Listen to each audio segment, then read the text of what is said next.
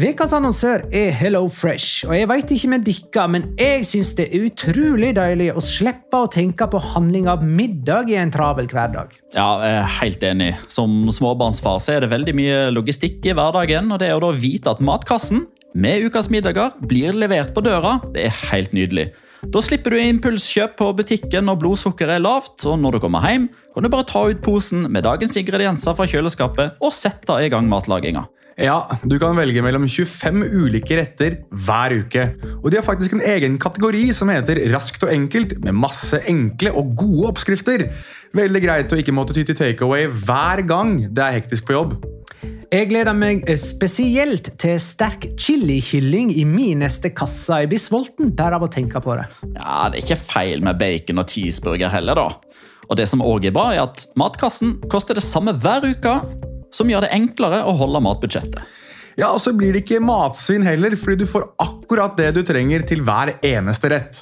Hello Fresh kan absolutt anbefales, og bruker du koden vår, LIGALOCA, kan du få opptil 1779 kroner i rabatt på de fem første matkastene hvis du ikke har prøvd Hello Fresh tidligere. Du kan også prøve koden hvis du har avslutta abonnementet ditt for tolv måneder siden eller mer. Gå inn på hellofresh.no og bruk koden LIGALOCA. Bon appétit! Hallo? Jeg kommer fra Oslo politikammer.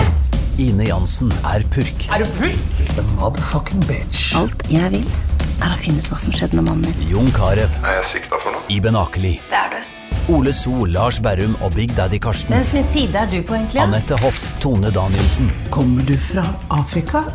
Jørnis Josef, Nesten. Kløfta. Trond Espen Seim. Det er synd å si det, men det var feil mann som døde. Purk. Premiere tirsdag på TV2 Play.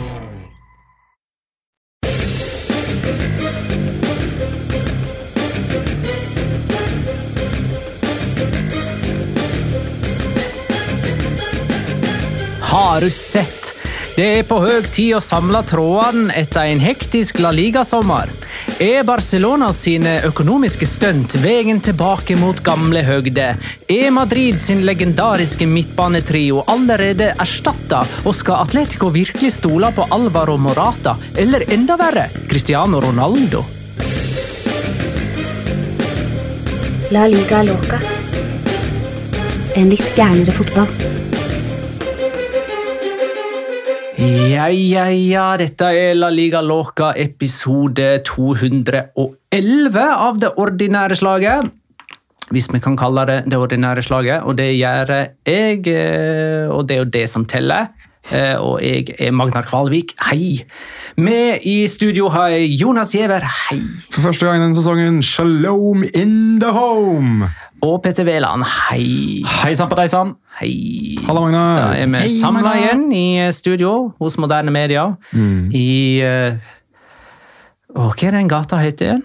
Myntgata. Myntgata, like ved sida av Kontraskjæret. Korrekt.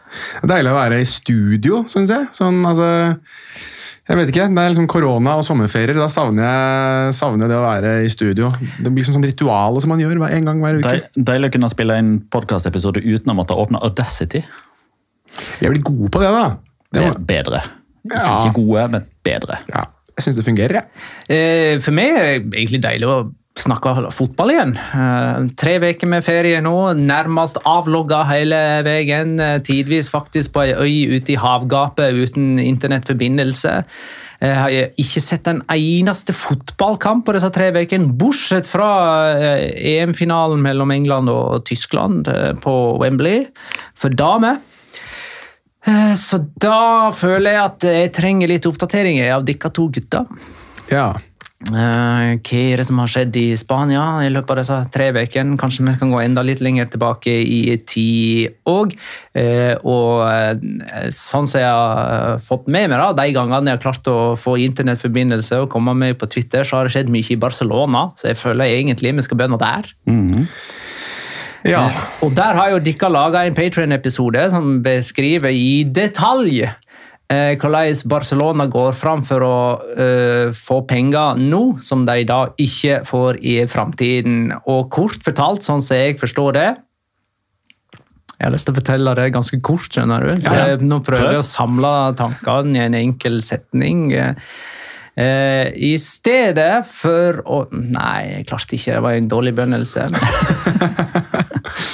Eh, Det Barcelona har gjort, er å selge unna en del av de TV-rettighetene som skulle ha gitt de årlige inntekter over 25 år. I stedet for at de får delsummer utbetalt over 25 år, så tar de en stor del av det allerede nå.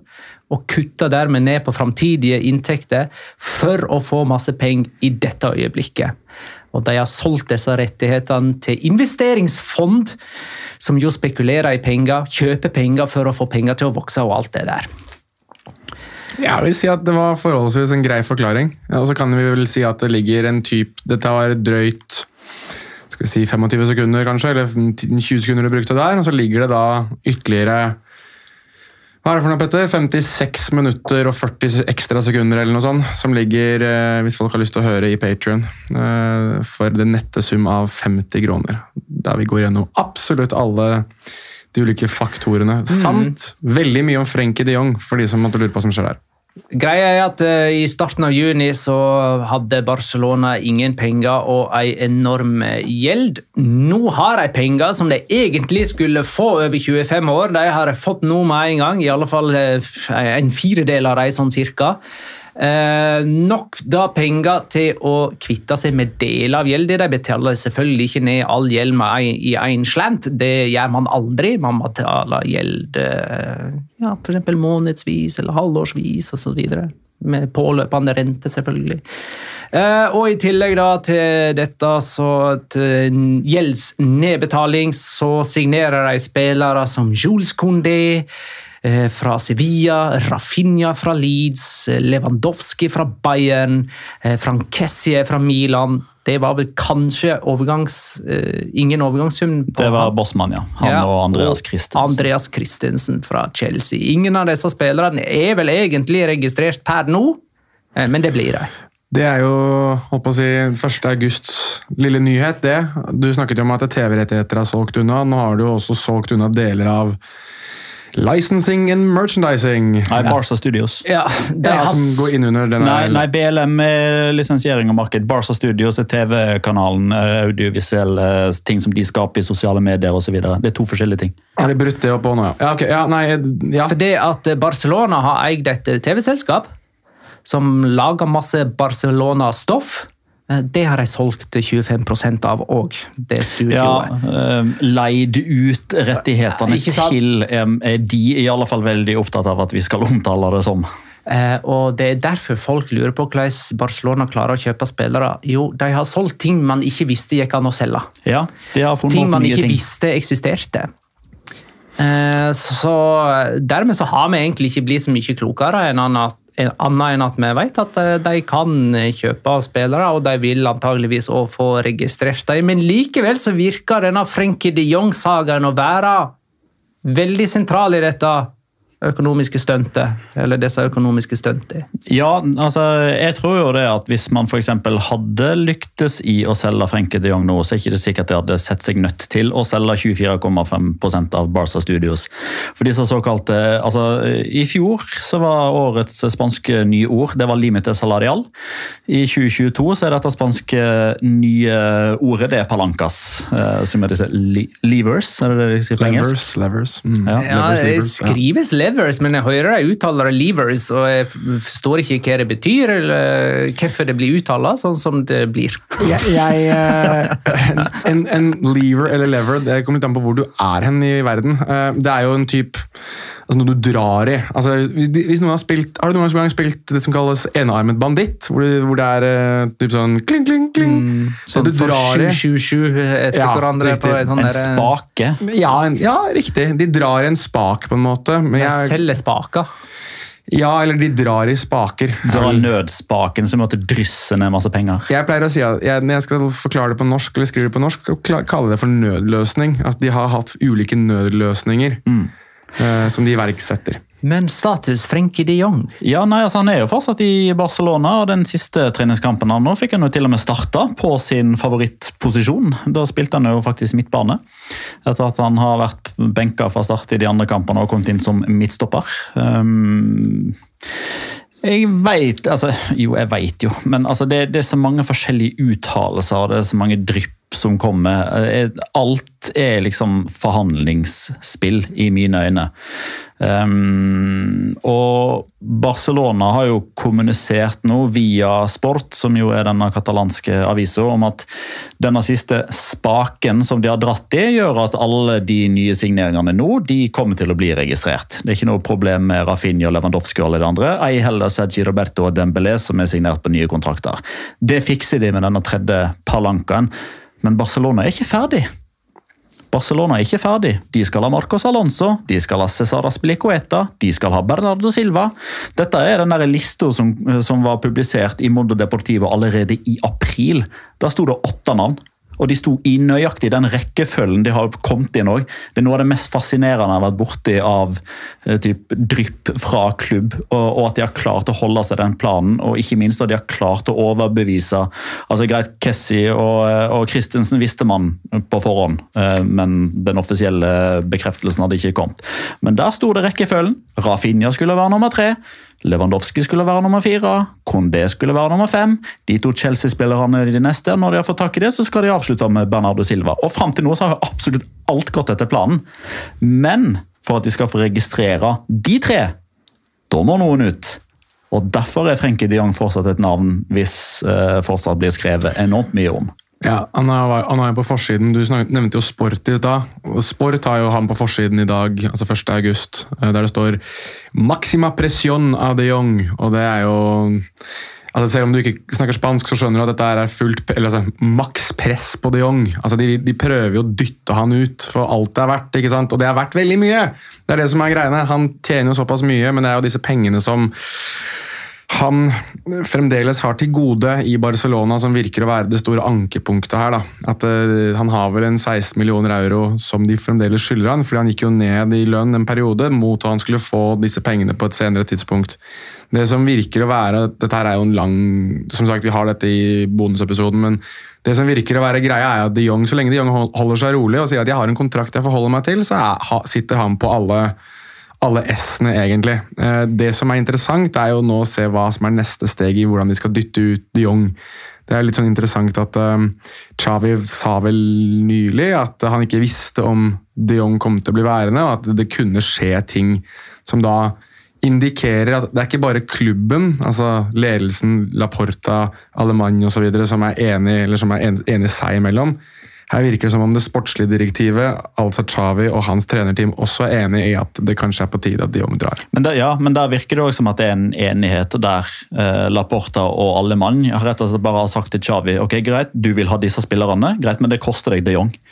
Og det har han akseptert, mm. virker det som. Enig. Eh, men jeg syns òg det er fascinerende å se Laporta spesielt, da på den ene sida eh, står og sier at Frenke de Jong er viktig for oss. Vi har ingen intensjoner om å selge Frenke de Jong. Vi har avslått bud på Frenke de Jong. Vi vil at han skal være her. Samtidig så er han enig med Manchester United om overgangssum. Så han taler med to tunger her. Eh, og Det samme er det med Frenke de Jong. Altså, ja, den der lista med, med, ti grunner som Frenke de Jong hadde til ikke å signere for Manchester United, det tror jeg bare er reinspikka tøv. Hvorfor i alle dager skulle Manchester United, som er trent av Erik Den Haag, som har telefonnummeret til Frenkie de Jong, som garantert har snakka med Frenkie de Jong Hvorfor skal de som, hvorfor? Ja, en, en, siste, som også er en bra faktor. Som akkurat har gjort en avtale med uh, Tyrell Malaysia, som har samme agent som Frenkie de Jong, som har vært på Old Trafford med Malaysia. Hvorfor skal, de må jo ha fått hvorfor, ja, hvorfor skal de nå gå inn i 13. uka på rad i vente på Frenkie de Jong? Hvis de hadde altså, Frenke de Jong hadde jo gitt beskjed til Erik Den Haag. altså bare Dropp det. Altså, Jeg ville ikke dit. Leit etter noen andre. Men den beskjeden har jo ikke Erik Den Haag fått. Nei. Ellers hadde ikke United fortsatt gått opp det sporet. Tror det er riktig. Eh, så da veit vi mindre der. Dembélé har i alle fall signert for Barcelona. Det gjorde han faktisk som bossmannsspiller. Uh, han uh, lot kontrakten gå ut, var ledig på markedet og signerte gratis. Og han har jo vært kommet tilbake som en ny spiller òg. Jesus Christ, så god han var i den, eh, var det mot Juventus. Ja, riktig. Hvor han, han så ut som Garincha opphøyd i Jalminia opphøyd i Ronaldinho. Var dette i Audi Citroën Cup i eh, Saudi-Arabia? Hundai, Hyundai, faktisk. Hyundai Cup. Hyundai, Nei, det var i USA, i alle fall. Ja, det var i Men USA eh, hva var. kampen blir kalt, det, det driter jeg i. Hyundai Jeep Ferrari Cup. Ok, Så hadde jeg gjort det bra i en eh, preseason-kamp. Eller sikkert flere, for alt jeg vet. Ja, han er god i flere Som kamper, han. ikke sett noen. Han god Nei, så. Den ene, den ene skåringa er etter ti touch, den andre skåringa er etter ni touch. Eh, og både tre og fire spillere som forsøker å ta fram ballen uten å klare det. Men uh, i tillegg til Frenkie de Jong ut, så er jo en liste av spillere som Miralem Pjanic, Memphis Depay, eh, Umtiti Omtiti har jo Longley er reist. Ja. Ricky Pucci òg skal inn på den lista der. Det er Ricky Pudge, Martin Breathwaite. Brathwaite. Neto. Det er ganske mye slagg. Bånn slam. Ja, men så er det jo en som har gått allerede. Det er greit å bare ha kvittert ut han. Oscar Mingesa har jo gått til Celta Vigo. Så der har de på en måte allerede fått dultet ut én. Omtiti, som som, jeg- som, som jeg sa i stad, han har visst vært på noe medical, var det i renn? Ja. Og der gikk det åt skogen. Ja. Så han er jo Så- tilbake igjen. Så det å bli kvitt han med disse medisinske testene som på en måte kreves, eh, det kan bli vanskelig, det. Altså, slik jeg forstått det, altså, det er litt sånn rart, men han var jo skadeplaga på slutten av 2017-2018-sesongen og spilte jo det VM-et. og spilte jo alle kampene. Jeg tror nesten det her er litt sånn han ofret seg for det VM-et. Og fikk jo maksimal uttelling, da. De vant jo VM. Men etter det VM-et så har jo ikke Omtiti spilt fotball nesten i det hele tatt. Kanskje er Samuel Umtiti, eh, som ble verdensmester, men tapte på lang sikt, en sånn personifisering av det Barcelona holder på med nå. Hei! Hei, At han vant, i, vant og så tok han knærne? Vant på kort sikt, men Ja. på lang sikt så Men Barcelona er vel en klubb som ikke er til å kjenne igjen en god stund nå. Eh, Det er mye sånn eh, Det er mye spillertrafikk. Det er mange inn, det er mange ut. Det er en helt ny profil på hele laget sammenlignet med ja, altså Du kan nesten ikke snakke om La Masia lenger. Det er, liksom ikke, det er den gamle skolen. det. Og, og det er veldig fint at du trekker fram det, for nå er det jo et sitat fra 2013 som går viralt. Gerard Piquet, eh, som eh, etter 2012-2013-sesongen var det vel, da Real Madrid eh, ikke vant La Liga, så brukte de 150 millioner euro på Isco, Jaramendi og en til som jeg ikke husker i farten. 2014-2015. nei, 2012-2013 eller noe sånt. Gareth Bale. Nei.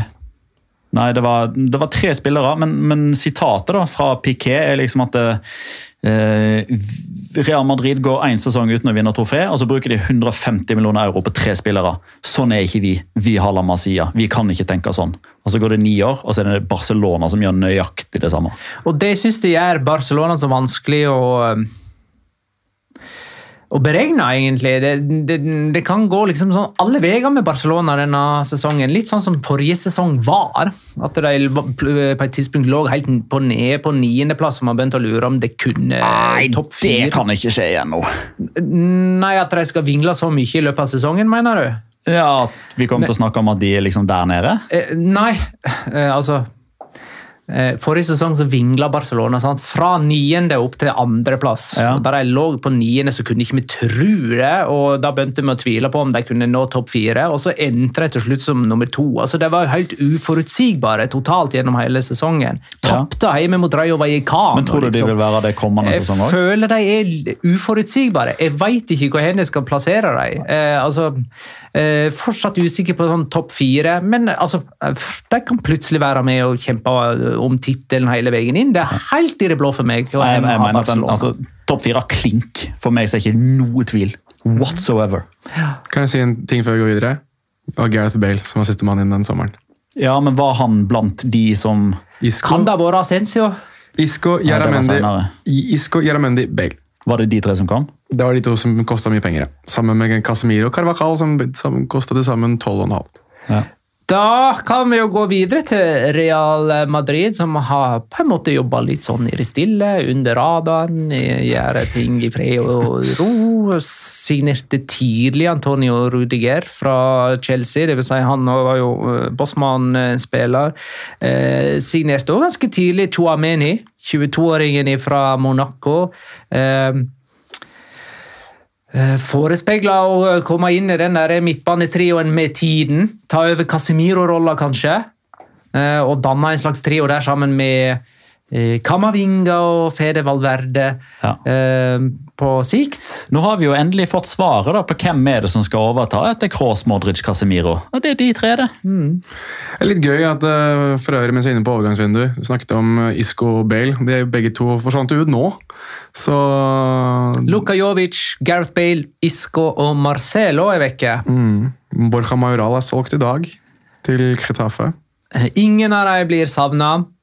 Eden Hazard vil heller ikke bli savna om han reiser, men reiser han? Nei. Nei, ingenting som tyder på det. Nei, han blir heller en akilles. en belastning. Ja, altså hvis Jeg veit liksom ikke hvor mye troverdighet Eden Hazard lenger, men ifølge, ifølge seg sjøl så skal alt bli så mye bedre nå. Jeg liker eh, det Real Madrid gjør nå. altså. Jeg synes det er eh, Ok, du har noen høvdinger i det laget fremdeles. Noen som på en måte er sånn elder statesman-typer. altså Carvajal, Benzema, Courtois til en viss grad. Alaba som de har hentet som på en måte skal inn og være litt sånn sjef i forsvaret. Men liksom, som du var inne på, Magnar, altså Chuameni, Camavinga, Valverde, som kommer nok til å få mer og mer eh, tillit, må man vel tro, i år. Så har du Rodrigo og Vinicius Junior på hver sin side, som begge kommer til å signere nye kontrakter, virker det som. Er, eh, man begynner å se der, de konturene av liksom neste generasjon med Real Madrid-stjerner. Og det er litt gøy at de hver gang de er ute på overgangsmarkedet nå, veldig tydelig har en profil. Det skal være ung og fremadstormende hver gang. Så har de, gjort, de har bommet noen steder, ja, med f.eks. Luka Jovic. Men de tør å stå i det. da. Det er liksom ikke, de er ikke ute etter å hele tiden skulle hente ja, ok, Mbappé og Haaland er kanskje the exceptions that prove the rule. Men jeg Jo, men de de- er fortsatt unge, da. ja, nettopp. Men jeg syns liksom ikke at de går ikke etter med, altså Mohammed Salah, da, for eksempel, eller Sadio Mané, som nå gikk til Bayern München. Real Madrid var ikke nevnt i forbindelse med de to. Nei, ikke Raheem Sterling heller. Ikke Raheem Sterling. Gabriel Jesus Gabriel ja, ble nevnt, de var men, nevnt. Jo, men allikevel, det var aldri aktuelt pga. han ikke hadde EU-pass. Ja, nettopp. Jeg bare liker det. Jeg synes liksom overgang, og Det er litt sånn interessant, for dette er jo litt det Barcelona på noen, noen vis gjorde før. Mens Real Madrid hentet f.eks. typer som Robert Lewandowski, da, eller som han ville vært for, for mange herrens år siden. Så Nei, jeg synes Det er litt interessant hvordan de to klubbene Real Madrid og Barcelona har byttet litt profil med hverandre. At Den ene skal hentes megastjerner, og den andre skal virker som om de ser til framtiden. Og bruker mye penger på framtiden. Så får vi se om, om de kjøper seg til fant, eller om um, Kamavinga, Fede Alverde og Chumeny kan gjøre seg bra. Spara seg til fant. Mm, jeg vet det, men jeg, gjorde- jeg gjorde, litt, gjorde litt om der. Ja. Med Eh, viten og vilje, faktisk, denne gangen. Ja, man veit aldri eh, Nei, jeg vet det. Men Magna, ingen vet hvor haren hopper. Ja, Ikke sant? Bare, nå kaster jeg bare ut alle begrepene jeg kan. Jeg prøver å ro meg i land. Ja, Er det et begrep du kan? Nei, jeg liker å bytte jeg Skal være helt ærlig, etter, etter at du tok meg på de første begrepene sånn i 2017-2018, så er det innimellom har jeg slengt ut begrep for å se om du tar meg på dem eller ikke. og dette Ja, nei, det, det blir så kleint. Men jeg lurer, jeg lurer på om jeg har bestemt meg nå for denne sesongen og rett og slett tar dere på, eller spesielt deg, Jonas, Ja, på, gjør det. eh, på sånne her faste uttrykk. Ja, men gjør, men gjør Hold det. deg til engelsk, du. Disse engelske uttrykkene dine. Der er du sterk. Det skal du ha. Husker du da vi, da vi hadde hvor vi brukte nesten et halvt år på å finne hvilken film I Think I Just Shat Myself kom fra? Eh, Husker du hvilken film det var da? ja, det er Along Came Polly. Ja, et av Mr. Deeds, husker jeg. Det var, um, Ja, nei, det er uh, The Late uh, eh, Philip Seymour Hoffman som sier det, i- men han sier ikke I think I just shat myself. Han sier bare fram I shat myself. ja. Nei, det er ikke Å ja, nei, sorry. Nå, nå miksa jeg uttrykk. Å, herregud, hvor utrolig flaut. Chart, det var det. I just sharted, sa han. Shat myself. Det var jo Ja, ikke det det er som var uttrykket med det er chat on the pitch. Nei, Shat Myself Jeg tror jeg er fra Mr. Deeds. Det er han, der, han er Ja, det- operasangeren det som faller over bord. Mm. Ja. Men Philip Seymour Hoffman sa I sharted, som altså er en blanding av å drite og- eller å fise og, og bæsje. Ja. Yes. eh, Og hvorfor vi kom inn på den diskusjonen nå, aner jeg ikke. Det må jeg tilbake og høre på. Er det noen klubb som vi kan si har charta litt grann denne sommeren? For å dra oss inn på noe Nå må vi stoppe, for dette, her, dette gikk ikke. Eh, Det jeg tenkte på, med fortsatt på Real Madrid, det er dette med spiss. Å ja. Ok. Nei, vi, vi, jeg, jeg visste hvor vi skulle hvis jeg skulle videre, men ok. Mm. Real Madrid og spiss. Ja, Ja, for nå er jo altså- Majoral borte, Jovic eh, borte. Da er det jo bare Mariano som kan plukke opp smulene etter Benzema. Som er koblet til Celta Vigo, for så vidt. Ja. Ehm, jeg tipper de ser an markedets muligheter, jeg. Ehm, det Ja, der, jeg ser, det må jeg bare si, jeg ser ikke for meg at de ender opp i, i år som i fjor, da. eh, Med liksom Mariano og Diaz som eh, Benzema sin backup. Nei, det tror ikke jeg heller. Ehm, jeg tipper at om en måned så har Real Madrid fått inn en backup-spiss som har kosta de et sted mellom 40 og 50 millioner euro. eh, som er et litt sånn ubes, ikke ubeskrevet blad. Eh, jeg tipper Altså, Benjamin Cesco vil nok være dyrere, men, men en sånn type profil, da. Ikke en som eh, på noe som helst vis er like god som Benzema, eh, men som eh, definitivt har et potensial til å fylle en rolle som en sånn klubbspiller som er langt bedre enn Mariano og Majoral. Hvem jeg tror det blir? Jeg har to navn. En av de to tror jeg det blir. Hvis, de skal bruke penger, sånn som du er inne på nå, så er det ett navn som virkelig uthever seg for meg, og det er Raúl Tomàs. For jeg tror han vil til Real Madrid. Jeg tror han ikke har noe imot å spille annenfiolin for Karim Benzema. Kan spille flere roller i angrepet. Og tror for hans del, nå som Español skal starte litt på nytt, så kan det være fint for han kanskje å ta turen et annet sted. Eh, Det er det ene, hvis de skal bruke penger. Hvis de ikke skal bruke penger, så synes jeg at eh, Edin Djeko, som har vært nevnt en del ganger, som en sånn potensielt billig alternativ som kan bare sitte på benken, er, har beviselig vært en sånn impact-sub flere steder før. Så jeg hadde passet nydelig. Så jeg, eh, jeg går, for, går for en av de to. Som Jeg legger huet på blokka og sier en av de to. Det var Eden Djeko og Raúl de Tomas Tomàs. de Tomàs. Eller R.D.T. som man er bedre kjent som. En som også Ja. er free agent nå, er jo Davison, Det hadde vært gøy, det òg. Det på! Har du noen eh, spekulasjoner der, da, Petter? Nei, jeg syns de to passer beskrivelsen. Ja. Og er, er vi ferdige da med Real Madrid? Ja, er det Er, er det mer som venter? Kan vi vente oss mer derifra? Er de ferdige så fort de får på plass den spissen? Nei, Jeg Altså, tipper vel kanskje Sebajos ikke å se der, men who cares, liksom, bortsett fra Betty Svendsen, som håper han drar dit. ja, jeg hadde virkelig håpa å se han eh, i Real Madrid. Når skal han bli god igjen, liksom? Men kanskje han skal finne seg en annen klubb for å bli det, da. Ja, men Jeg retter, retter bitte litt på meg selv. Jeg ser at det faktisk, Djeko har jo fremdeles kontrakt med Inter, men jeg tror det var snakk om at han kan gå gratis. tror jeg er det som er, eh, Fordi de har fått Lukaku tilbake. Sånn, da har jeg bare fått sagt det. Overgangens eh, siste dag i Spania er natt til 2. september. Okay. Man har forlenga det med et døgn i hele Europa, vel? Nei, jeg tror for eksempel, jeg tror ikke England har Har de fått det, de òg nå? For da snakka man om at de ikke skulle ha det. Ja, Nei, det var Fifa TMS eh, skrev at det var liksom over hele fjøla. Ok, nei, men da er de, jo, det er de med. Da går vi til Atletico Madrid. Eh, Det som har skjedd der, er jo at Luis Suárez eh, til slutt ble for gammel for La Liga og har reist til, hjem til Uruguay. Eh, Og spiller dermed ikke for Atletico. Han skjøt jo dem til serietittelen for to år siden. Um, inn da på spissplass uh, enn så lenge, så har Alvaro Morata returnert fra Juventus, eh, der han var utlånt. Og så har Cristiano Ronaldo blitt nevnt uh, som en av de heiteste Eller hva skal man si Atletico har blitt nevnt som en av de heiteste eh, klubbene som Christianos Cristianos neste destinasjon.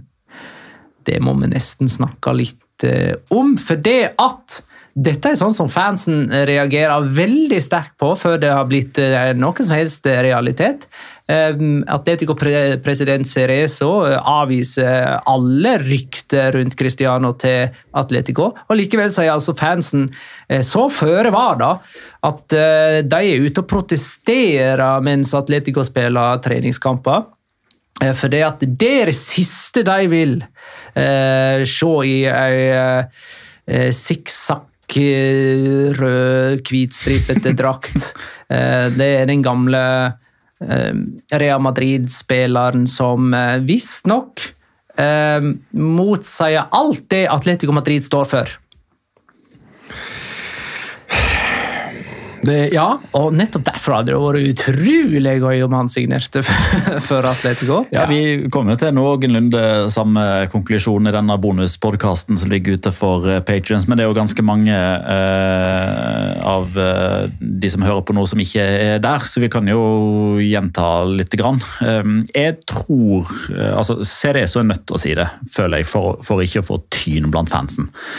Eh, Jeg sy- men jeg syns du hadde et godt poeng da vi snakket om det i forbindelse med Antoine Griezmann. Altså sånn Han var, skulle også Ja, altså det var ikke, ja, det var heller ikke en måte på hvor mye Atletico Madrid-fansen skulle bue på Griezmann da han returnerte fra, fra Barcelona. Han skulle ikke få det lett, og så skåret han et par mål, og så hadde alle glemt det. Og så slutta han å skåre mål etter Ja, det. da. eh, og, og så var det et problem igjen. Og så forstår jeg at Cristiano Ronaldo er en, en enda større kamel å, å svelge. Altså, Cristiano, eller Griezmann er en dromedar da, med én pukkel, og så er Cristiano Ronaldo to med to pukler og en kamel. Altså, Må ha litt større åpning for å få det Kom ned. igjen, ta nå, Magne. Ta nå når han driver og drodler seg inn i sånn dromedarer og kameler og sånn. Det er Dromedar har én pukkel, dette. kamel har to. Det er ikke Dette fast er en uttrykk, dette. Nei, så vi tar, vi Det er, sånn, metaforer. det er sånn som når jeg sier sånn, for eksempel eh, Legg det bak øret. Eh, da mikser jeg to uttrykk som er Legg det på minnet og skriv det bak ditt øre. Det er da, det er da jeg kommer til å reagere. Ok, ja. Så det er én regel for meg og én regel for resten? Nei, da, sånn, det det og eh, det står skrevet i stein. Det er feil. Eh, det står skrevet i stjernen, og så er det hogd i stein. Eh, Sånne ting kommer til Sånne faste uttrykk. Ordtak, mer eller mindre. Nei, jeg skal, jeg skal notere Der kommer jeg til å være beina denne sesongen. Jeg kommer til å, Kom igjen. grad jeg kan disse Jeg gleder meg til du begynner å dra gjennom noen kameler og nåløyer og sånn. Det gleder jeg meg mer til Ja, du skal prøve deg på nå. Ja. Kom igjen, kamel! Det òg Atletico Madrid-fansen må huske. Det er jo at Atletico Madrid er ikke lenger det Atletico Madrid en gang var. Ja, og så kan de like det eller ikke like det, men den klubben som de heide på for ti år siden, er ikke den samme klubben lenger. Eh, Da spilte de på et sliten stadion. De var liksom, eh, de var lillebror. De var den irriterende fjotten nede i gatehjørnet der det stinka piss på gatehjørnet, og de underpresterte, og det var økonomisk kaos. Det er ikke Atletico Madrid lenger. Ok, greit, Litt økonomisk kaos er det, fordi de må selge spillere for å registrere, selv etter ti år i Champions League. Men de har et topp moderne stadion. Det er, liksom en, det er en, det er en butikk i langt større grad enn hva det var før. og det, må, det virker liksom som at de, de på, på ene måten så aksepterer de det ikke liksom inne i hjertet sitt, men samtidig så står de og jubler over seriegullet som de har tatt som en konsekvens av at det har blitt det de har blitt.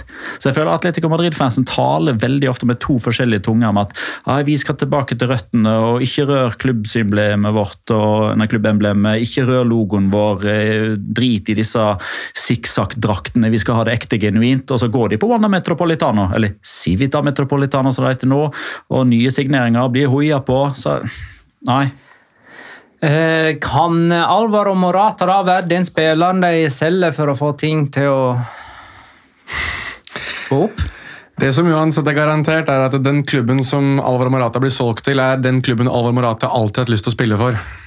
Ja, siden jeg var liten, ja. Siden jeg var liten, så han drømte om å spille for den klubben han blir solgt til. Det var, det var skikkelig gøy, det må jeg bare si. Eh, å få oppleve eh, igjen, da. Eh, vi, var det, vi var jo sammen på Mestaya, og så Alvor Nomadata spille og gå i offside.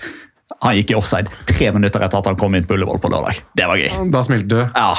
Da, tenk, da sendte du en tanke til oss. ja. Ja, bra. Men uh, en spiller som jeg syns det er gledelig, gledelig å ha tilbake i Atletico Madrid, men som jeg frykter jeg ikke får se igjen i Atletico Madrid, det er Saul, som er tilbake fra Chelsea-lån. Men han var god den omgangen han fikk, eller den halvtimen han fikk. Han er jo god! Han var god på et tidspunkt, i alle fall. Og så gikk han litt i kåkefella, og så har Kåke klart å rette det opp igjen, mens Saul fortsatt gikk ned. Altså det, det året han hadde i Chelsea, det kasta han jo bort. Ja, det var blei bortkastet. Ja. det var, det Men et sånt år kan alle ha i løpet av en eh, hva er 15 år karriere. det er litt sånn gøy å tenke på. Spillere som har vært i Atletico Madrid og Chelsea, med, med unntak av Diego Costa, så er det vel Kanskje en liten sånn eh, Asterix bak Filippe Louise. Og Thibaut Courtois, Courtois var god begge steder. Det var han faktisk. Men uh, Philippe Louise, nei, han var ikke god i Chelsea, syns jeg. Men det er få som gjør det veldig bra. Hvis de har gjort det veldig bra til Atletico Madrid og går til Chelsea, så er det veldig få som gjør det veldig bra. Syns jeg er litt gøy. Det er litt sånn som eh, med Sevilla og italienske klubber på generelt grunnlag. Um, bare sånn, Dette er sånne weirde ting jeg sitter og tenker på som holder meg våken om natta. Uansett. Um, jeg, tror, jeg tror Saul får, får en ny mulighet jeg, i, i Atletico Madrid den tid de Altså, ja, de kan sikkert bruke han for å få inn uh, mer penger og for å kanskje registrere andre spillere, men jeg tror liksom ikke han er den som er det største salgsobjektet. da. Jeg ville tro at Alvaro Morata i mye større grad er en de tror de kan få penger igjen for. Og så tenker jeg jo at Saul har jo ikke han som signerte, Hvor lang var den kontrakten han signerte? da? Var det Sjuårsavtale eller noe sånt? Eller var det seksårsavtale? Ja, han signerte ni- eller tiårsavtale. Han. han var en av tre det det stykker som gjorde det. Det var Saul, og så var det Bruno Soriano i Villarreal. Og så er det Pepelo som har gjort det samme i Levante nå, når de rykker ned. Signerte kontrakt i 2032. Ja, stemmer. Så han har jo en sånn megakontrakt. Så da har han vel kanskje sju eller seks år igjen av den kontrakten nå, da. Som er helt sykt å si til å begynne med. Bare sånn men ja, han har jo verdens lengste kontrakt igjen, og da er det jo Det må jo være, må jo være tenkt at Atletico Madrid da, når de valgte å investere i det, og han valgte å knytte seg til det, så må det jo være en, altså De må jo ha planlagt med han for framtiden. Ja, og så er det jo samme trener òg, så du kan liksom ikke si ja, men det var han som var trener når du Ja. signerte kontrakten, og nå er det en annen en, og han syns ikke du passer inn. Og han har vært god under den treneren der før òg, så det er, jo, det er jo ingenting som tilsier at de ikke skal kunne gjenfinne noe av det. Altså det men jeg tror at det, altså, han må jo få lov til å Det er jo noe som jeg lurer på om ikke det var han som snakket om. Nå må man gjerne rette på meg hvis det er feil, men jeg lurer på om ikke han var den som gjorde, snakket om et intervju at han også har hatt litt mentale utfordringer. altså At han har slitt med sin mentale helse. At det har vært vanskelig for han å liksom leve med en del press og stress og mye av den tilværelsen som kommer av å være fotballspiller. Um, jeg mener jeg husker at det var han som snakket Jo, jeg er ganske sikker på at det, det var, var i forbindelse med det at han, han blør jo bokstavelig talt eh, for drakta. Altså med den nyreskaden Ja, ja. som han fikk eh, mot Bayer Leverkosen der, som gjør at jo per definisjon han risikerer livet når han er ute på Ja, fotballbanen. han pissa jo blod etter den kampen, husker jeg. Jeg skrev en lang sak om det. Jeg husker jeg om, om Sauls vei til toppen. At han egentlig aldri skulle nå der han har nådd på bakgrunn av at han ble mobba ut av Real Madrid osv. Så, videre. så han har jo en, en historie som gjør at neste steg i hans karriere er et vanvittig comeback. altså Basert på alle de tingene han har gått igjennom. Så ingenting hadde gledet meg mer enn hvis han nå med nummer 17 på ryggen virkelig bruser med fjærene igjen. Vet du hva jeg kom på nå? Når jeg sa det sjøl? Da, da. Um, det Magnar gjør, eller kommer til å gjøre overfor deg den sesongen nå, og lære deg å bruke ord og uttrykk riktig Husker du hva du tok meg på i gamle Seymour? eh, Bokstavelig talt. Ja, jeg brukte bokstavelig talt feil. Eh, jo, men nå sa du jo at han blør, da, mens han, eh, var ikke det det at han blør mens han spiller? Jo, men før så brukte jeg det feil. Altså, Ja. jeg, jeg kunne si på lufta at det bokstavelig talt koker på stadion. Mm, ja, det gjør ikke det. Nei, heldigvis. Med mindre noen eh, fyrer opp eh, en komfyr med, og en kjele med vann, sånn Ja. det bobler. Da koker det bokstavelig talt. Men det, skjer man, det ser man veldig sjelden eh, på en fotballbane. Det bokstavelig talt Og hvis det skjer, så er det i Mexico. Ja, det er faktisk riktig.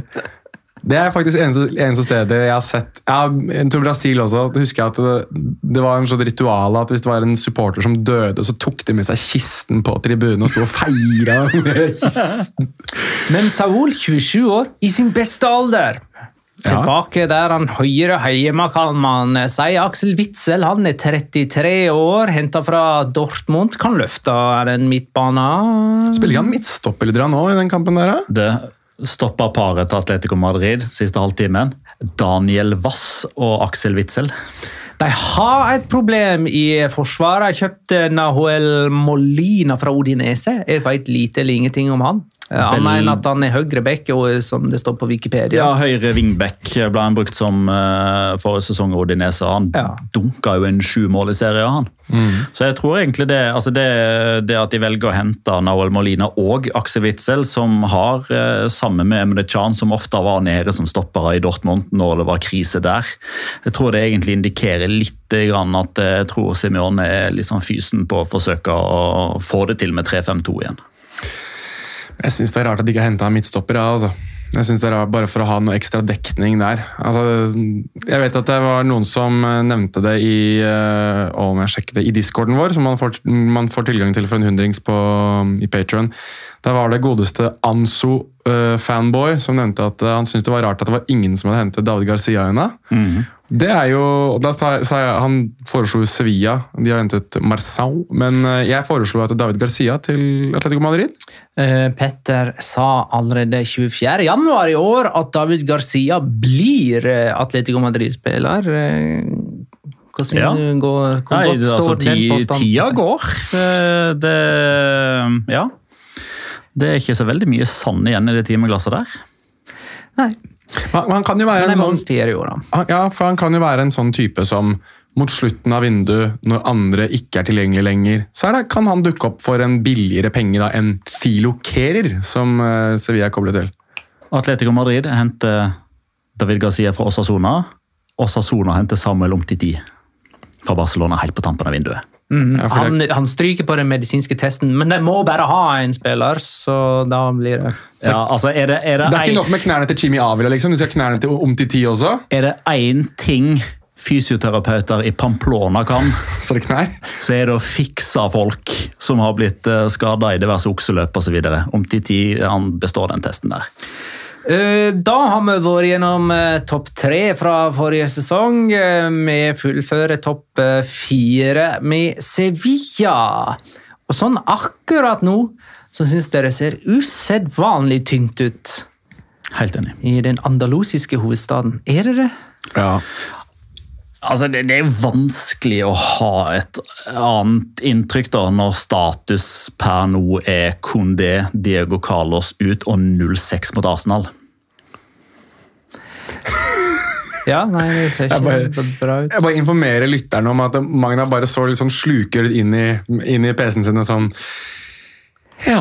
men ja, det Nei er men, altså, ja. nei, men altså, Jeg legger jo merke til at nå, nå begynner jo sjøl Lopetegi å nærmest sånn offentlig kreve at nå må det skje noe.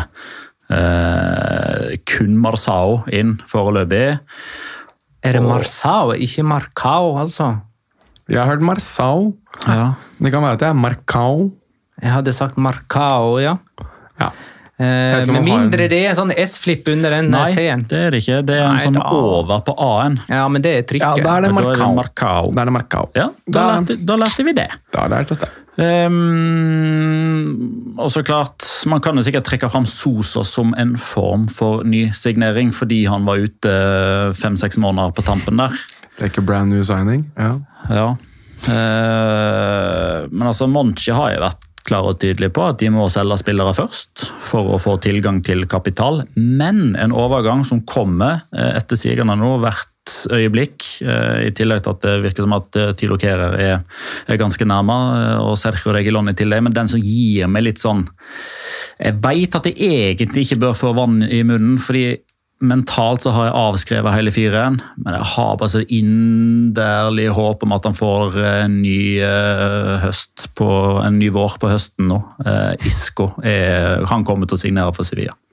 Er det, har man kommet så langt nå i den prosessen der? Isco har vært enig med Sevilla i to uker, og de må bare få vekk eh, spillere først. Sannsynligvis er det Oliver Torres som blir ofra. Teit. Jeg vil ha han til Betis.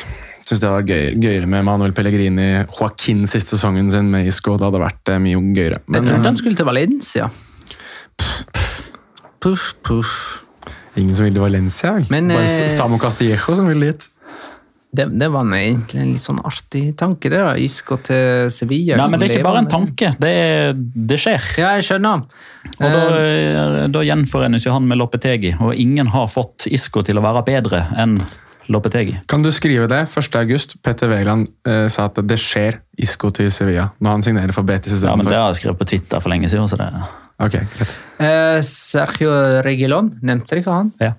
Det nevnte han allerede, ja. Eller Eh, sa jeg Sergio Escudero? Nei, du sa Regilon. Ja, okay. Ja, nei, da er det greit. Uh, en aktualitet. Uh, Ingen kommer til å savne Luke de Jong. Jeg kommer til å savne Luke de Jong. Ikke Jeg engang kommer til å savne å prate om Barcelona-fansen. han. Altså- Eh, ingen kommer til å savne Antony Martial heller i Sevilla. Jeg kommenterte faktisk PSV mot Villarreal treningskamp for tre uker siden. Gjett hvem som skåra? Luke de Jong? Luke de Jong. Lukefar. Eh, Ludvig Augustinsson kommer vi heller ikke til å savne. Det er ikke sånn at alt Munchi gjør, blir eh, rett, altså. Han skal jeg kommentere på lørdag. Munchi? Monchi? Aston Villa Augustinsson. mot Aston Villa mot Bournemouth. Bournemouth. Ja, eller omvendt. Diego Carlos skal du kommentere òg, i så fall. Det skal jeg. Ja. Og Jefferson Lerma. Oi, oi, oi, oi, oi. Luca Digna. Mye snacks. eh, Coutinho. Emiliano Buendia. Ja. Emiliano Martinez. ja, nei, moro det, altså. Han skal faktisk kommentere La Liga nesten igjen. Han, Petter Wæland. Ting å, ting å legge til på Sevilla, eller eh, skal vi bare konkludere med at eh, topp åtte er innenfor rekkevidde? Ja, de må, de må i hvert fall altså, Jeg syns det begrepet her er veldig vanna ut. Jeg er litt sånn lei av det, men hvis vi skal bruke det et sted, så er det her må Monchi på jobb. Her må man på jobb. Vi skal spille Champions League. Ja. Du kan ikke stille med, eh, med dette laget, eh, hvilket lag det nå er. Det er rett og slett ikke godt nok, Kenneth. Marcao og Karim Rekik i eh, forsvar. Hvis Karim Rekik er det i det hele tatt. Ja, han er det, han. Ja, det er jo Han skal ikke du kimse av. Han er min litt sånn darling. Ikke snakk ned Karim Rekik. Slutt, da. Er du morsom, eller? Um, nei, men da går jeg på sånn ellers, er det. Ja. Eh, nå har ikke jeg eh, noe sånn her eh, Nå tar jeg ikke ut fra forrige sesongs tabell, eh, men ting som er moro. Ja. eh, som har skjedd i La Liga denne sommeren, som er på en måte bekrefta. Eh, José Luis Morales til Villarreal fra Levante. Det er Ja. moro. Pepe Reina eh, fra Lazio eh, til Villarreal. Det er òg moro, selv om vi antagelig bare kommer til å se faktaene hans på benken. Men de kommer, til- du kommer til å se dem, da. Ja, ja, ja. Ja, ja. Han, på, han kommer jo til å gjøre et eller Han annet spill. kommer til å være i bildet eh, bak en eh, dirigent i form av Unai Emery. Jeg vil komme med en prediction som du kan ta nå. Pepe Reina kommer til å bli den første spilleren som kommer til å bli utvist mens han sitter på benken i denne sesongen her. Han kommer ut, Dommeren kommer til å utvise han for å holde på som en tulling. Skal jeg orke å skrive ned? Nei, jeg trenger ikke gjøre det, men Det tar så lang tid å skrive. Reina utvises fra benken. Er, Jonas uh, Reina første utvist fra benk. sånn. Da har jeg fått lovført det. Reinskriver det seinere. Ja da. Ehm, Valencia har ansatt Gennaro Gattuso som eh, trener. Det er jo gøy, da. Det er jo, det er jo altså Sometimes definitely, definitely shit. Ja det, vel, ja, det er vel det som kommer til å være holdt på å si, takten vi går etter. Men, men jeg syns Vi snakket jo litt grann om det på tampen av fjorårssesongen. At det hadde blitt litt sånn at det var stolleken i La Liga. At veldig mange trenere poppet opp ulike steder. at de liksom, Det var ikke så veldig mye nytenkning. Mens Gennaro Gattuso er jo en type som potensielt kommer inn med litt nye ideer, i hvert fall en ny form for profil. Da. En type som vi ikke har sett trene i La Liga før. Så er det jo gøy å se liksom, noen av disse videoene av at han står og kjefter spillerne huden full og dytter dem rundt på trening. og jeg husker Da de signerte Samu Castillejo, så tok han jo liksom tak i skul skulderen hans og kasta han inn på treningsrommet. liksom. Gattuso er jo en helt nydelig type. Jeg syns, jeg syns at det er i hvert fall litt moro, da, på en måte. Det, blir, det går til helvete, men det, kommer, er- det, men det kommer til å være moro. Altså, jeg er spent på hvem som har mest utbytte av dette. her, Om det er SoMe-avdelinga eller om det er den sportslige utviklinga her. Nei, jeg koser meg med det. Altså, jeg vet, men, jeg, men jeg tror det er sånn at man har nådd det punktet Du vet den, der, den giffen av den hunden som sitter ved det bordet og drikker kopp kaffe, og så brenner det rundt han og sier han, ok, this is fine. Det er sånn jeg er med Valencia nå. Det brenner, men fuck it, hvorfor ikke, liksom?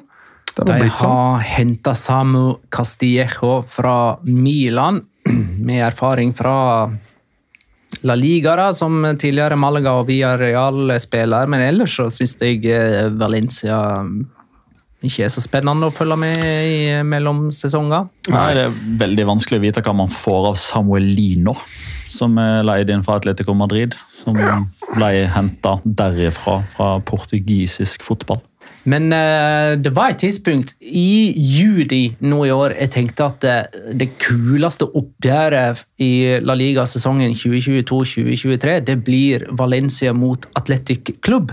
Eh, fordi at Atletic hadde presidentvalg der den ene lovte at hvis han ble valgt, så skulle han ansette Marcelo Bielsa, og Bielsa var jo klar eh, til å ta over den jobben nå, hadde allerede gjort sine analyser.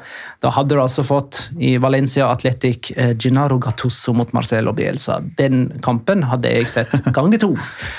Eh, Men det ble ikke den presidenten, det var en annen president. Han har sikkert et navn.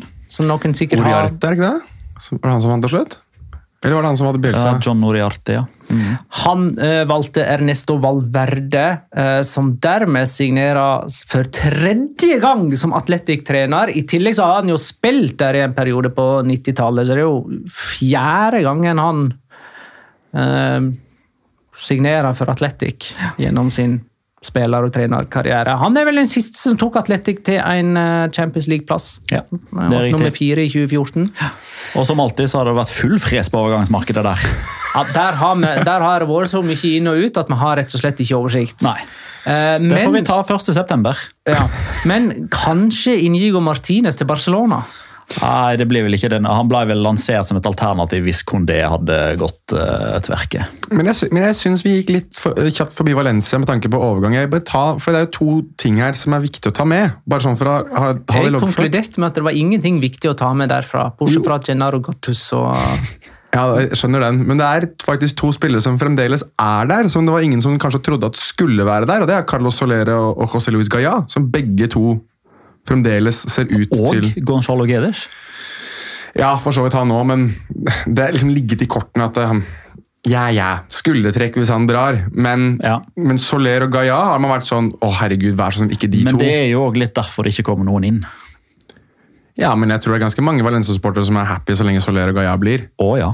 Nettopp. Men jeg, Maxi Gomez kan jo forsvinne, da. Den, men det er vel altså, vannet ble. Magna lei seg.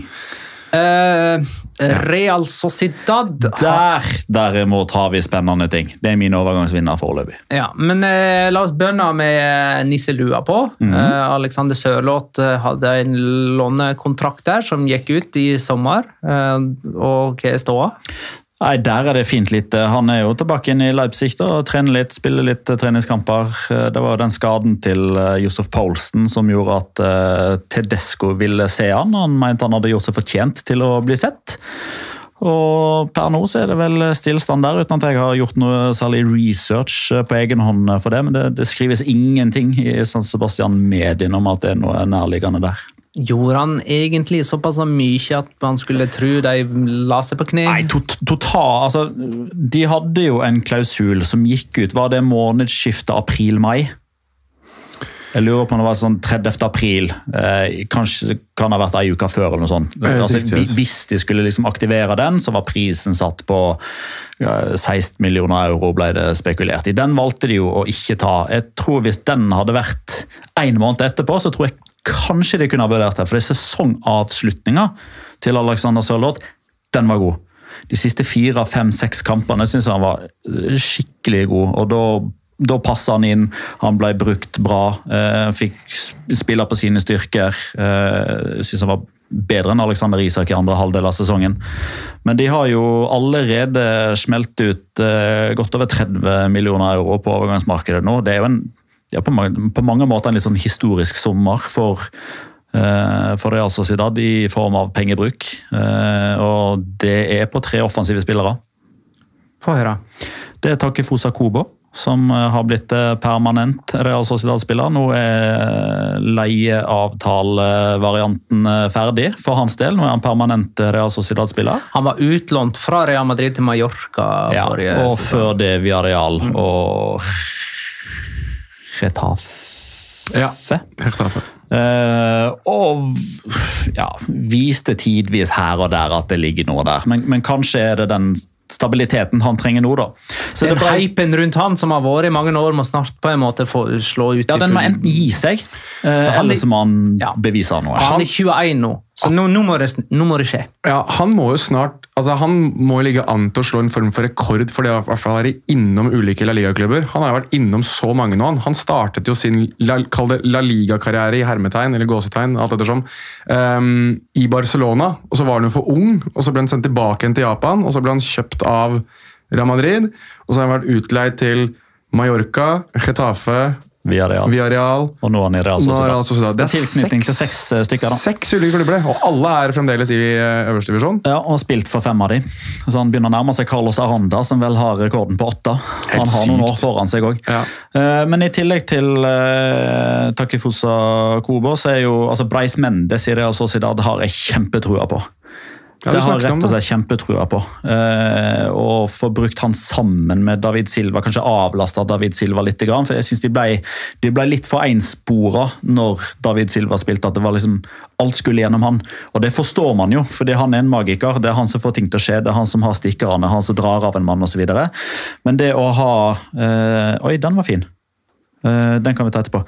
Eh, Han fikk en tweet-melding på klokka si nå. Han ja, jeg fikk et varsel fra, eh, fra Atletico Madrid, Ja, faktisk. så det kan vi ta etterpå. Ja. Uh, nei, kortversjonen, da. Breis Mendes i Real Sociedad syns jeg passer veldig bra. Det er Fot i hose, hånd i hanske etc. Og så er det en spiller med et enormt potensial som jeg ikke skal skryte på med at jeg har sett så veldig mye. Men Mohammed Ali Chaw, som kommer fra Angers, som har kjempefine tall i liga, som er en av to spillere som har eh, nådd eh, det antall skåringer han har i, i liga før en viss alder, og den andre er Kylian Mbappé. Det ryktes om at han er en type spiller som ofte floats like a butterfly and stings like a bee. Tok den ikke? Mohammed Ali.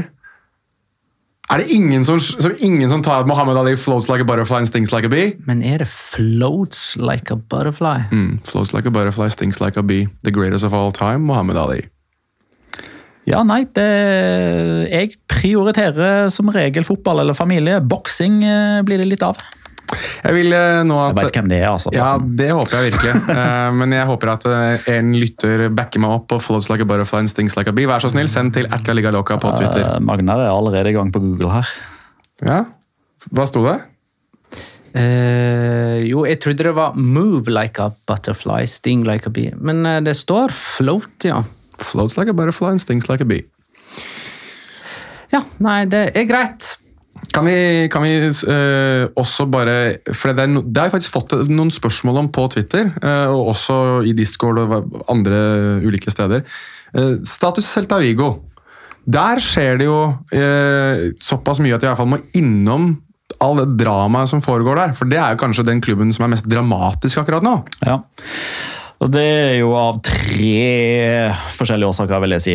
Eh, Den første har vi jo vært innom, men han er fortsatt per definisjon Celta Vigo-spiller. Santi Mina, eh, som er dømt til fengsel. eh, Som siden slutten av april, tror jeg vel, eller begynnelsen av mai, har vært håper jeg, internt suspendert. Har ikke fått lov til å trene, har ikke vært med i kamptropper osv. Eh, Han, han er der fortsatt, og han er blant de best betalte. Naturligvis så vil ikke Celta Vigo fortsette å betale han når han ikke kan gjøre jobben. og Det er hans egen feil at han ikke kan gjøre den jobben. Men der er det en ankesak, eller? Der er det en ankesak, og den kommer til å ta lang tid. Ja, for det er jo eh, oppsigelsesgrunn. Ja, ja. Eh, Så han kan sparkes, men eh, det er jo en ankesak der, da. Han er dømt for fengsel, altså eh, til en fengselsstraff som er såpass høy at han må sone. Ja, det er for seks år, hvis ikke jeg husker Ja, feil. for seksuell mishandling, seksuell Ja. krenkelse. Ja. Så det er fortsatt en kime. Den andre kimen er hele den suppa rundt Dennis Suárez, eh, som, eh, som egentlig, ja, egentlig er et år gammel nå. Eh, fordi du hadde jo den famøse seansen som skjedde på Celta Vigo sitt treningsfelt for et år siden. og Det var jo eh, etter at eh, Celta Vigo-president Carlos Mourinho hadde jo kalt inn samtlige spillere i ungdomsavdelingen og rett og slett bortimot lina de opp på to forskjellige rekker. Dere som står til venstre, dere kan puste letta ut. Dere får lov til å fortsette. Dere som står på høyre, dere må enten bytte agentselskap, eller så er dere ferdig her. Eh, og Det var på bakgrunn av at eh, var det Bogarin, eh, Brian Bogarin eller noe sånt, Ja. hadde nettopp blitt kåra til MVP i en av disse ungdomsturneringene til Promesas-turneringen. eh, La Liga. La Liga Promesas. Og han hadde forlatt klubben vederlagsfritt og gått til Real Madrid.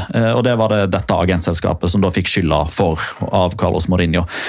To spillere i A-troppen til Celta Vigo var på det tidspunktet representert av eh, dette agentselskapet. Ironisk nok så var den ene Iago Aspas. Eh, han toucha det ikke, det var greit. Men Denis Suárez var den andre. Eh, og Etter det så har man eh, diskutert fram og tilbake. Skal han bytte agent, skal du forlenge kontrakten, skal du bli solgt etc. Og det toppa seg litt nå. Det fikk en sånn frist, eller en, en ny topp nå. Eh, forrige uke, da Carlos Mourinho innkalte til pressekonferanse for å, telle, for å fortelle klubbens syn på Santimina og Dennis Suárez-saken. Han påsto da, han dokumenterte ingenting, påsto at, eh, at Dennis Suárez hadde takket nei til fire forskjellige kontraktsforslag, at de hadde forsøkt å selge han tre, til tre-fire forskjellige klubber, men Dennis Suárez hadde sagt nei. Og han mener at alt Dennis Suárez ville, å sverte klubbens navn og sørge for at vi blir så uh, indignerte, så irriterte, så provoserte at vi terminerer kontrakten hans, sånn at han kan få mer av den klubben som han skal spille for neste sesong. Mm. Og Dette har jo Dennis Suárez gått ut på sosiale medier og avfeid totalt, og krevd uh, dokumentasjon på disse påstandene. Og så har naturligvis AFE, som er Spania sitt svar på NISO. Eh, spillerforeningen har blanda seg inn, og La Liga-president Javier Tebas har vært ute og sagt at dette er uh, uholdbart. Dette må løses uh, fort som overhodet mulig. Og det tar enormt mye fokus. Men på den andre sida, og det tredje punktet da, som, som tar mye Eh, som tar mye fokus, er jo disse rapportene om at Chacho Godet visstnok er blitt så luta lei av at det ikke kommer spillere inn, at han har vurdert å trekke seg. Mourinho avfeide det òg, og han, eh, han, sier at det er bare, det er bare tull. Um, og etter de ryktene så har jo Oscar Mingesa kommet inn som et aldri så lite plaster på på kodettsåret. Eh, I den grad det er noe plass der. Eh, så har de jo leid inn Ona Núñez fra Atletic, de har leid inn Oscar Rodriguez fra Sevilla. Vi har fått en ny svenske i eh, La Liga, Williot Svedberg, som ble henta fra Hammarby. Og, han, er det han 18-åringen? Mm. Ja. ja. I tillegg til Luca de la Torre, som ja, jeg skjønner ikke altså, Spilte for Erakles og noterte seg ikke for noe særlig der. Men det mest spennende Celta Vigo har gjort, er jo eh, knytta seg til eh, Luis Campos, eh, som er halvveis sportsdirektør slash rådgiver i Celta Vigo, samtidig som han er det i PSG. Den er litt spesiell. Hm. Da har vel Celta Vigo uh, fått nok plass uh, med tanke på den ellevteplassen de kommer til å ta denne sesongen. Nei, nei, De blir nummer seks foran Villarreal. Vi kan nevne at Real Betis har forlenga med Joaquin, som er 41 år gammel. Han har skrevet ett års kontrakt, sant? Ja. Eh, og så liker jeg eh, at Español har skaffa seg Diego Martinez som trener. Eh, unge, lovende trenertalentet på 41 år som leder Granada til Europaligaen i sin tid. De har også signert Hoselu, eh, som skåra 14 eh, mål for det trasige nedrykkslaget Alaves forrige sesong. Han i tospann med Raúl de Tomàs. Det hadde vært noe. Eh, men så kan det jo hende at det skjer ting med Raúl Tomàs innen overgangsvinduet stenger. Ja, Veldig, veldig kjapt, fordi Eirik Koren er alltid like behjelpelig og uh, flink med informasjon. Han er jo litt uh, eh, bekymra for det som ikke skjer i, i Elche. Jo, jeg vil jo påstå at uh, Eirik Koren må jo være Norges største Elche-fan, kanskje også den eneste, men riktignok uh, stor sådan. Følger veldig, veldig tett med. Der har de jo egentlig hentet Carlos Clerc, og så kommer vel Dani Gomez inn nå snart. Skjer jo ikke sånn supermye. Men det som har skjedd, som jeg gjerne vil få bare nevnt for alle, med tanke på at de snakker om folk med dobbeltroller eh, Christian Bragarnik er jo eier av Elche. Han har brukt denne sommeren her han, på å passe på at Lisandro Martinez signerer for Manchester United. For han er jo også fotballagent, det må vi jo ikke glemme. Det var jo ingen andre enn meg som plukket opp det at da eh, Lisandro Martinez, da det ble bekreftet at Ajax og United var enige, så var det jo én person som la ut et bilde. Og det var jo Christian Blagarnik. eier av Elche, som satt på et fly på vei til Manchester sammen med Lisandro Martinez, fordi han skulle være med å sluttføre avtalen. Så her har vi da eieren av en klubb i, på øverste nivå i La Liga, som representerer en spiller på vei fra den største klubben i Nederland til den største klubben i England. Du får det ikke mer wacko enn det. altså. Uansett, Det virker som de signerer Lautaro Blanco, fra, som er venstreback fra Rosario Sentral. Selvfølgelig en streamliner fra godeste Christian Blagarnik. Og så jobber de vel potensielt med enten et salg av Johan Mohica, eller prøve å holde ham på en ny avtale. Uh, samtidig som Lucas Boyer. Der prøver de egentlig bare å stappe mest mulig spillere inn som kan avlaste han de gangene han skal være skada. Jeg elsker at eh, den som blir omtalt som kanskje den eneste Elche-supporteren, gir info til den podkasten som den ene Elche-supporteren kan høre på for å få info om Elche. Ja, men det, det, men det sier jo sitt om hvor vanvittig nydelig Eirik Koren er i det at han er så dedikert til Ja, Elche. ja, ja. Våre lyttere er våre kilder. Ja. Ja, men det er men det, vi, altså, Dette her er eh, Vi er ikke noe over noen, vi. Vi er bare tre idioter, synsere, ikke sant? som sitter og får, prøver å videreformidle litt det vi kanskje følger med på litt tettere enn noen andre. Men når det kommer til Elche, så er det ingen som følger tettere med enn Eirik Koren. La Liga blir sparka i gang fredag 12. august. Ehm, da er det Osasona Sevilla eh, som sparka i gang det hele. 0-0. 0-0. Nei, altså, Sevilla, Sevilla spiller uten forsvar, så noe mål må det jo bli. Men nå er de i gang med de spådommene som jeg tenkte vi skulle komme i gang med neste Ja mandag, Ja. før den eh, fredagen eh, der. Ja. Um, ja, Sånne konkrete spådommer må vi gjerne komme med, og det skal vi også spre gjennom eh, sesongen. Eh, Nå har jeg tenkt å runde av, Jonas. Ja, i hvert fall. Eh, ja, bekreftes nå for ni minutter siden. Siden vi alltid kommer etter at episoden er lagt ut, så kommer det noe som skjer. Ni minutter siden Celta Vigo bekrefter at de er enige med Porto om en overgang for Agustin Marchesin. Så da får de enda en ja, ny eh, keeper, da. Der kommer keeperen. Ja. Men Atletico-tweeten Ja, I tilfelle folk lurer. men Det forteller litt om hvor miljøskada denne gjengen her er. da. Altså Det som fikk meg til å stoppe et lite sekund, der var at Rodrigo Riquelme la ut til Girona. Det var det. Fra Atletico. Atletico Madrid. Ja, han var kjempegod i Mirandés forrige sesong. La bare det være sagt. Ja. Eh, neste uke altså eh, kommer vi med sesongtips. Eh, og så finnes det altså innhold på Patrion. Masse. masse som ja, Der ligger det mye snacks nå. Det må jeg ubeskjedent få lov til å si. Der er det mye. Der er det, nå er det en Cristiano Ronaldo-episode. Det er episoden som forklarer den he fremdeles er aktuell, altså den økonomiske situasjonen i Barcelona. Så er det en av oss, les meg, som har giddet å rangere absolutt alle hjemmedrakter og bortedrakter i La Liga. De ligger også til stede der. Og så er det en fantastisk gjennomgang av uh... Det var main eventen til slutt. Den, den, det, altså det må jeg få sagt, Magnar. At du har sittet og så cruncha de tallene der og holdt på Jeg var sånn Gi meg mer! Gi meg mer, Magnar! Ja. uh, kort fortalt så er vel det en rangering av hvilket hvilke bunnlag i de fem største seriene som gjør det best i oppgjør mot topplaget i sine liga. Det var rett og slett en aldri så liten Hva er det de kaller det for? Uh, Mythbuster? Mythbuster, ja. Det er Ja. riktig, Ja.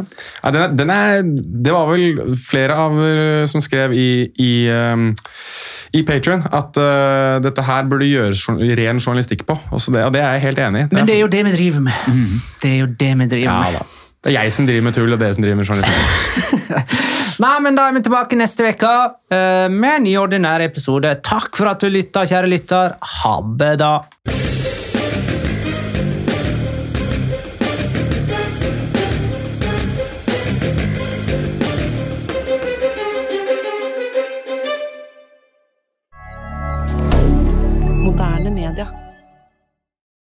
Har du et enkeltpersonforetak eller en liten bedrift? Da er du sikkert lei av å høre meg snakke om hvor enkelt det er med kvitteringer og bilag i fiken, så vi eh, gir oss her, vi. Fordi vi liker enkelt. Fiken superenkelt regnskap.